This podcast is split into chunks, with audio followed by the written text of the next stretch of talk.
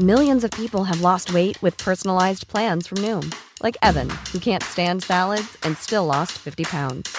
Salads, generally, for most people, are the easy button, right? For me, that wasn't an option. I never really was a salad guy. That's just not who I am.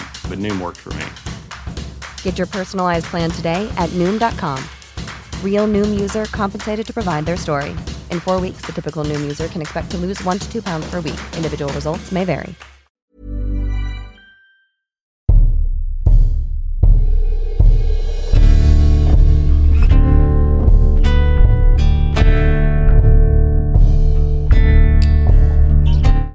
Jeg skal nå fortelle om norgeshistoriens mest dramatiske flykapring, skrevet av han Chris Veløy for NRK. Allerede på flyplassen i Narvik legger Malene merke til han. Mannen som hun ennå ikke vet skal brenne seg inn i minnet hennes, er kraftig bygd og har kort, krøllete hår. Det blir holdt i sjakk med masse gelé, og har en antydning til gråskjær, selv om mannen bare er i 30-årene. Han hadde veldig spesielt hår, og som fjortis så legger man merke til sånn, forteller hun Malene Føre Fransen. Hun har nettopp fylt 15 og kjenner den korte ruta hun skal reise mellom Narvik og Bodø godt. Det har alltid vært mora som har fulgt henne til Bodø. Men akkurat denne septemberdagen i 2004 er det for aller første gang han pappa Trond som skal bli med opp på flyet. Det skal altså redde Malene sitt liv. Og Malene og faren går mot rad fem midt i flyet. Det er så lavt under taket at han Trond må bøye seg når han går i midtgangen. Flyet er en Dornier 228 med ett sete på hver side av midtgangen, og er så lite at det ikke er noen ansatte i kabinen. Lenger bak så sitter to damer i 40-årene og en eldre mann som er i følge med en av damene.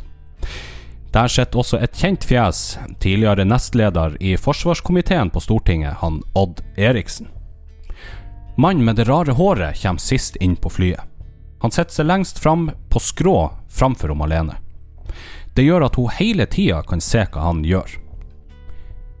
Tenåringen ser at mannen tar fram ei rød bok med arabisk skrift.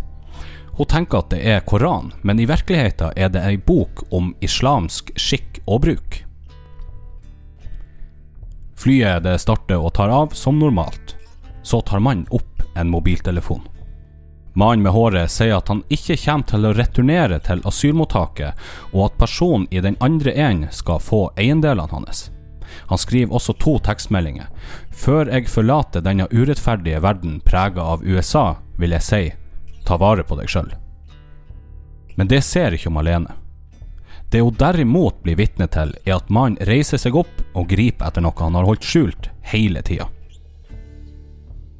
Plutselig ser jeg at han tar fram ei øks, og det er bare et par steg fram, så er han fremme i cockpiten. I cockpiten sitter kapteinen sammen med styrmann Christian Markus Andresen. Det eneste som skiller dem fra kabinen, er to gardiner. Forhenget er trukket fra, så det er fullt innsyn. De aner ingenting om hva som skjer bak dem. Alt de hører er noe pustelyder. Det er enda trangere i cockpiten enn i kabinen. Mannen får ikke full kraft i slagene som nå kommer. Det er starten på sannsynligvis det mest intense minuttet i norsk luftfartshistorie. Christian han føler en eksplosjon idet eggen treffer hodet hans. Han rekker å tenke at nå eksploderer flyet, før alt blir svart for han. Pappaen til Malene, han Trond Frantzen, sitter på den andre sida av midtgangen for Malene når han plutselig ser mannen slå til kapteinen med den butte enden av øksa. Deretter ser han styrmannen bli slått med den skarpe enden. Øksemannen river ut ledninger til hodetelefoner og skrur av brytere på instrumentpanelet. Trond innser at pilotene må være døde. Angsten brer seg i kroppen. Kommer mannen til å snu og angripe han og dattera, som er dem som sitter nærmest? Bakfra så hører han den ene dama rope på hjelp. Det får han Odd Eriksen, som sitter noen plasser bak han Trond, til å våkne. Odd Eriksen kan ikke se noe øks fra der han sitter, og spretter fram for å fjerne mannen som absolutt ikke har noe i cockpiten å gjøre. Han Trond er så redd som han aldri har vært i hele sitt liv. Han ser bort på dattera som er helt panisk. Framfor dem prøver han Odd desperat å få øksemannen ut av cockpiten med ulike grep. Han har til slutt et godt tak rundt beltet hans og tar spenntak med føttene. Men øksemannen rikker seg ikke fra stikka. Flyet spinner på vei ned. Og Malene hyler. Flyet sin rotasjon gjør at hun blir pressa ut til sida. Pappa, pappa, gå og ta han! Trond adlyder og spenner seg beltet. Det er som en bryter som blir slått på. Han ser hvor livredd hun er. Instinktet tar over, og han Trond går i kampmodus. Han tar to skritt ut i midtgangen, men flyet tipper han enda mer over. En kort stund så flyr de nesten opp ned. Han Trond havner i taket, og han ser bakken komme mot dem. Det er ikke lenger noe tvil om at de er dødsdømt. Men før han dør, bestemmer han Trond seg for å påføre den mannen som styrter flyet, så mye smerte som han aldri har kjent før. Han Trond bykser forbi han Odd. Det er et blodig syn framme i cockpiten. Styrmannen er livløs, mens kapteinen han er ikke død allikevel.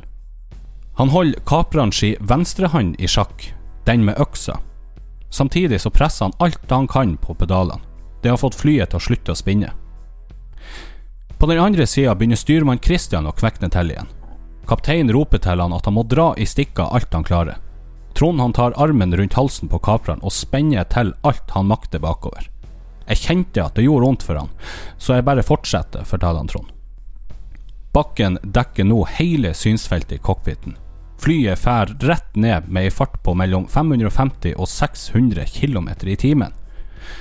Kapteinen presser alt han kan på pedalene og drar i stikka med den ledige handa. Styrmann trekker det han klarer i stikka, som øksemannen presser ned. Malene ser faren og Odd dra alt de makter i gjerningsmannen. Det er bare noen få sekunder før de treffer bakken. Øksemannen gir etter. Han Trond og han Odd får trukket han bakover. Stikka han holder i, følger med.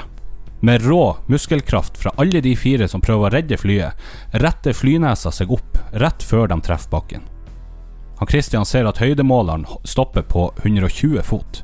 Det betyr at de nå er kun 30 meter over havnivå. Men de befinner seg over land.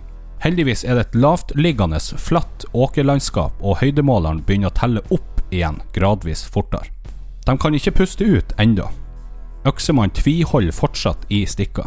Med to mann bak han som drar alt de makter, blir stikka nå stående i bakre posisjon.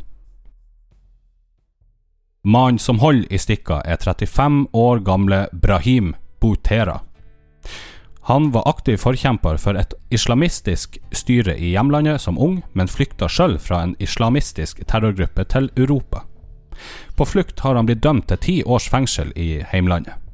Myndighetene mener at han har gitt terroristene tilgang til arbeidsplassen sin i forbindelse med et angrep, den samme terrorgruppa han søkte asyl fra i Norge.